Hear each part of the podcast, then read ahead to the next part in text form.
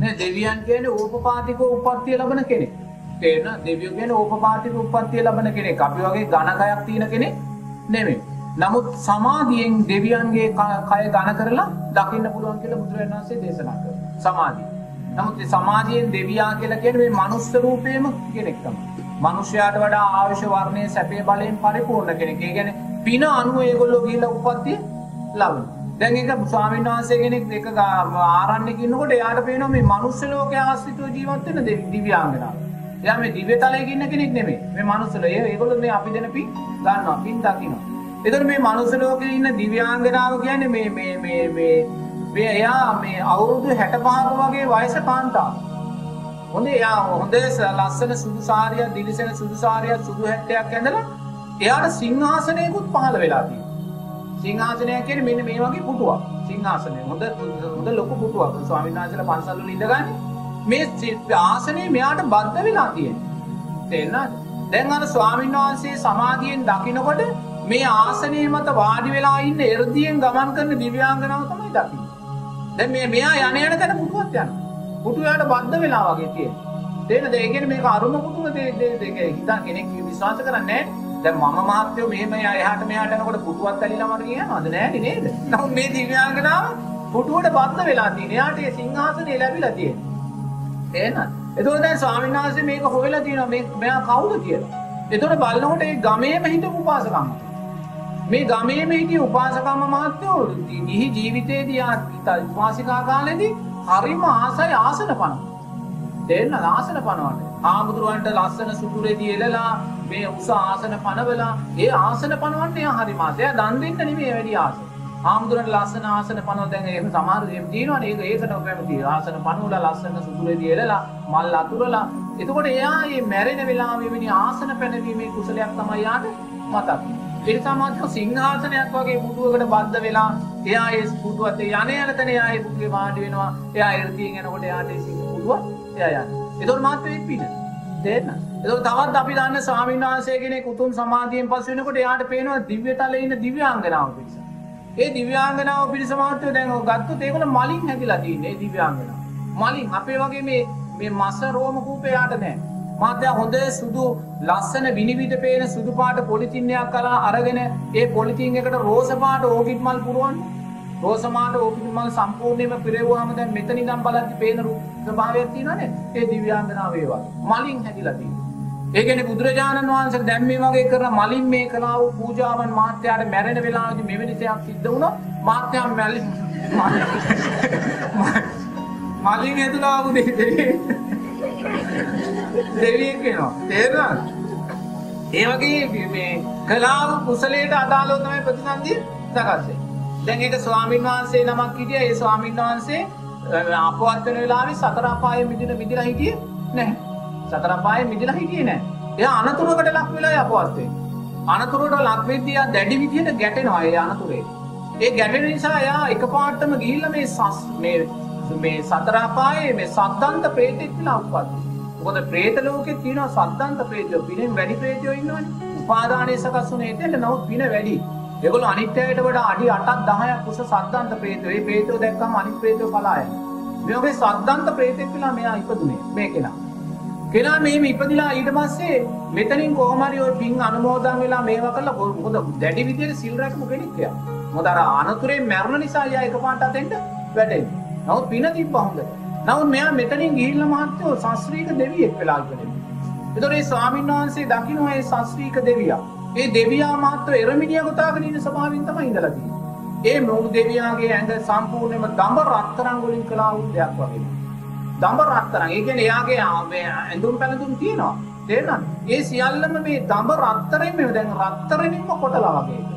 රත්තරනින් රත්තරන් කෑල්ල රත්තරන් වලින් විශාල රත්තරන් තැටියක් අරගෙන ඒ තැටිය කොටන්නකො ඇඳුම ඒ වගේ තමයි ඒගොල්ලන්ට ඒක පහල. රණින් හැදුනා වූ දඹ රන් දෙවියෙක් කියලා තමයි ස්වාමීන් වහන්සේ කියලා දෙන්නේ. මොකද දඹ රත්තරින්ම එයා හැදිලා තියෙන්නේ. ඒ නිසා තමා කරා වූ කුසල් වලට අදාළව මාත්‍යෝ උපදින තැනදී ඒ ස්වභාවයන් ලබලා දැන් බුදුරජාණන් වහන්සේ මාළබාරි දෙවියා ගැන කියන්නේ.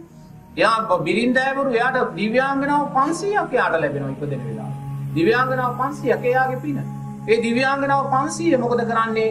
හැමදාම නන්දන උයනට ගිහිල්ලා මල් අහුලා අහුලා අර දෙවියාව මලින් වට කරනවා මලින් වට කරනවා එයාගේ පින ඒ වගේ කරන පිනට අදාළව මහත්තයෝ ඒවා සකස් වෙනවා ඒවා සකස් වෙනවා ඉතින් එහෙම තමයි ඉතින් අපි මැරිලා අපි පින්කම් කරලා ඒවා සකස් වුණා දිව්‍ය තලයේ උප්පත්තියක් ලැබුවා එවැනි සස්ත්‍රීක දෙවිවරු ඒ දෙවිවරු මහත්තයෝ මේ වෙලාවේ අපි කියන බණ අහන දෙවිවරු අනන්තවත් ඇති. මොකද දිව්‍ය සෝත වලින් අපිට මේ බණ අහන්න ඒගොල්ලන්ට මේ බණ අහන්න පුළුවන්.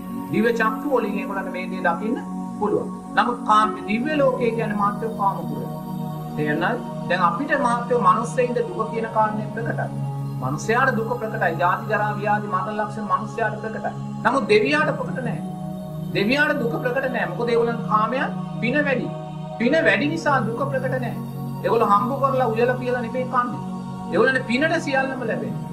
එයාට අයිස්ක්‍රීම් එකක් වළඳන්න ඕනේ කිව්වොත් මහත්තයෝ ඒ මොහොතේ මෙයා අයිස්ක්‍රීම් එකේ සැපේ තෘප්තිමත් වෙනවා. හැබැයි අර කඩේට ගිහිල්ලා අයිස්ක්‍රීම් එකක් ගේන්න ඕනේ නැහැ. දෙවියාගේ පින අනුව තෘප්තිමත්. පිනෙන් වැඩි දෙවියන්ට ලැබෙනා වූ මේ මේ රසය වැඩි. දැන් කෙනෙක් ගිහිල්ලා හම්බන්තොට පොළට ගිහිල්ලා අයිස්ක්‍රීම් එකක් කනවා. රුපියල් 10ක් දීලා. තව කෙනෙක් කාගේන්ස් එකට ගිහිල්ලා රුපියල් 200ක් දීලා අයිස්ක්‍රීම් එකක් දෙන්නම කන්නේ අයිස්ක්‍රීම්. නමුත් දෙන්න කන අයිස්ක්‍රීම් දෙකේ රස දෙකේ වෙනසක් තියෙනව නේද? ඒ වගේ පිනෙන් වැඩි දෙවියාට අරක ලැබෙනකොට එයාට ලැබෙනා වූ සැපේ වැඩි. පිනෙන් අඩු කෙනාට අරක ලැබෙනකොට එයාට සැපේ ලැබෙනා වූ සැපේ. ඉතින් මේ වගේ මේ මනුස්ස ලෝකයේ වගේ පන්ති ભેදේ තුල තමයි දිව්‍ය ජීවත් වෙන්නේ. ඉතින් ඒ වගේ දෙවියන් අර කාමයන් තුල ජීවත් වෙන නිසා සැපේ වැඩි නිසා මහත්යෝ ධර්මයේ හිත යොමු කරන්න තියෙන අවස්ථා ලැබෙන්නේ නැහැ. නමුත් මාර්ගඵලලාභී දෙවියන්ගේ தත්ත්වය ඊට වඩා වෙනස්. නිසා මාර්ගඵලලාභී දෙවියන්ට ඕන වෙලාවක තනුන්ගේ ධර්මයක් කාලයේ ධර්මය නුවණින් මෙනෙහි කරලා නිවන් අවබෝධ කර ගැනීමේ ශක්තිය තියෙනවා. නමුත් කාමයන්ට බර වෙච්ච දෙවිවරු මහත්වෝ මෙවැනි ධර්ම දේශනාවලට හිත යොමු කරන්න තියෙන අවස්ථාව අඩු මොකද ඒගොල්ලන්ට දුක ප්‍රකට වෙන්නේ නැහැ. දුක ප්‍රකට වෙන දිව්‍ය ලෝකයේ තියෙන ස්වභාවයක් තමයි ඒක. දිව්‍ය ලෝකවල ඉන්න දිව්‍ය ලෝ- මාර්ගඵලලාභී නොවන දෙවියෙකු දිව්‍යාංගනාවකට මාර්ගඵල ලැබීමක් අ, එම දිව්‍ය තලවල තියෙන ස්වාමීන් වහන්සේ. මේ මෙහෙමයි එහෙම නැහැ කියන්න බෑ. මොකද බුදුරජාණන් වහන්සේගේ කාලේ මත්තෝ දසදහස් ගණන් දෙවිවරු මාර්ගඵල ලැබුවා. ඒ මාර්ගඵල ලැබුවේ එක හේතුවක් නිසා මොකද බුදුරජාණන් වහන්සේ දිව්‍ය තලවලට ගිහිල්ලා බණ කියනවා. මහරහතන් වහන්සේලා දිව්‍ය තලවලට ගිහිල්ලා බණ කියනවා. ඒතොර එදා තිබ්බා වූ රහතන් වහන්සේලා දසදහස් ගණන් බණ කියනකොට ඒවා දිව්‍ය සෝත වලින් අහන ධර්මය අවබෝධ කර ගන්නවා. නමුත් අද ඒක එහෙම නෑ මාත්. අද බුදුරජාණන් වහන්සේ නමක් නෑ දිව්‍ය තලවලට කියලා බණ කියන්නේ. අද මේ ර- මේ- මේ එද්දිය තියෙන රහතන් වහන්සේලා නෑ දිව්‍ය තලවලට කියලා බණ කියන්නේ. නමුත් එදා පුළුවන් වුණා කියලා අද ඒ පුළුවන්කම හුඟක් තියෙනවා. නමුත් බුදුරජාණන් වහන්සේ කියන අනාගාමී බ්‍රහ්මණය සමහර කාලයට ඇවිල්ලා දිව්‍ය තලවල බණ කියනවා. එහෙම බණ අහලා කෙනෙකුට නිවන් දකින්න මේ කියන බණ අහලා නුවණින් මෙනෙහි කරලා තමන්ට ධර්මය අවබෝධ කරගන්න පුළුවන්. ඒ මාර්ගය තියෙනවා. නමුත් මාත්‍යෝ දිව්‍ය තලයට කියලා නිවන් අවබෝධ කරගන්නවා කියන එක ලේසි නෑ. මොකද දිව්‍ය තලය කියන්නේ මෙච්චර කාමයන් මෙච්චර ජාති ජරා ව්‍යාධි මරණ ප්‍රකට මිනිස්සු වෙලා අපි දෙතෙන්ට යන්න බැරි නම් දෙවියා කියන තැන ඉඳලා අපි කෙසේ දෙන්න යන්නේ? දෙවියා කියන්නේ සිතූ සිතූ සම්පත් ලැබෙන තැන. මෙච්චර දුක ප්‍රකට වෙලා මේ හැම දෙයක්ම දුක කියන කාරණේ පේනවා. පෙනිලත් අපිට බෑ අතෙන් තාම යන්න. එහෙනම් අතෙන්ට ගිහිල්ලා අපි කෙසේ යයිද කියන කාරණේ නුවණින් ගලපන්න. එහෙම ගලපුවට අපිට තේරෙනවා මේක කරන්න බැරි දෙයක් කියලා. නමුත් සතර අපායේ මිදුණු දෙවිවරු ඒ දක්ෂභාවය ලබනවා. අවම වශයෙන් සද්ධානුසාරී ධම්මානුසාරී දෙවිවරුවත් වුණොත් අපිට යම් තැනක් ගන්න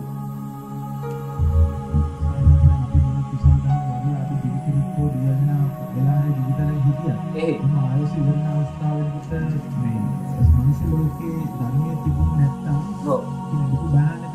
ඉතින් ලොකු භයානක ඔව් ඉතින් අපි ක්‍රිස්තියානි අම්මා කෙනෙක්ගේ මවුසක නැත්නම් මුස්ලිම් අම්මා කෙනෙක්ගේ මවුසක නැත්නම් හින්දු අම්මා කෙනෙක්ගේ මවුසක ඉන්නද? වෙන දෙයක් වෙන්නේ නැහැ. ඉතින් බෞද්ධ අම්මා කෙනෙක් නැති වෙන්න පුළුවන් නේ. ධර්මය අතුල සම්දිත්තික භාවයෙන් නැති වුණා කියන්නේ මොකද බෞද්ධ අම්මලා සද්ධාව දින අම්මලා ඉන්න අයත් ඔය මහායාන එකේ කියන විමුක්තිය ඉන්නොත් ගිහින්. ඉතින් එහෙම අම්මා කෙනෙක්ගේ මවුසක ඉපදුනාම ආයිම සද්ධාව දින කාරණේ සකස් වෙන්නේ. ඒක තමයි භයානකයි කියන්නේ. පින් කරලා අවුරුදු ලක්ෂ දෙකක් අපි දිව්‍ය තලයේ හිටියත් වැඩක් නැහැ. මොකද අවුරුදු ලක්ෂ 25කට එහා යනවා ආයිම ශාසනයක් ඇති වෙන්නේ. ඒ නිසා මේ භයානක අනතුරු තමයි දකින්නේ. ආයිමත් ඇරෙනවා. ඒක කියන්න බෑ. ඒක කියන්න බෑ. අපිට කියන්න බෑ. ඒකයි කියන්නේ ඉතින් හැකිතා දුක දකිමින් දුකෙන් ඈත් වෙලා කුසලයේ වඩමින් කුසලයක් දර්ශනා නුවණින් දකිමින් ඉස්සරහට යන්න සැකේ කියන කාමෙන් තියාගන්න එපා. අනේ මේ ජීවිතේ මට සෝවාන් වෙන්න බැහැ කියලා හිතනවා කියන විචිකිච්ඡාව. විචිකිච්ඡාව කියනකන් සත්‍තාව සකස් වෙන්නේ නැහැ. විචිකිච්ඡාව බැහැර කරන්න ඕන මොන ප්‍රශ්න තිබ්බත් විචිකිච්ඡාවෙන් බැහැර වෙන්න. මම මේ ජීවිතයේ ඇස් දෙක පිය වෙන්න දශමයක් හෝ කියලා මම සතර අපායේ මිදෙනවා කියන චිත්තය තුල ඉන්නවා. ඒ චිත්තයෙන් තමයි Tamanට සතර අපායේ මිදෙන්නේ. එහෙම නැත්නම් සමහර වෙන සොයනස පොඩ්ඩ වැරදුනොත් මං එතන ඔය එහෙම නම් යාට වැරදිනවා මම.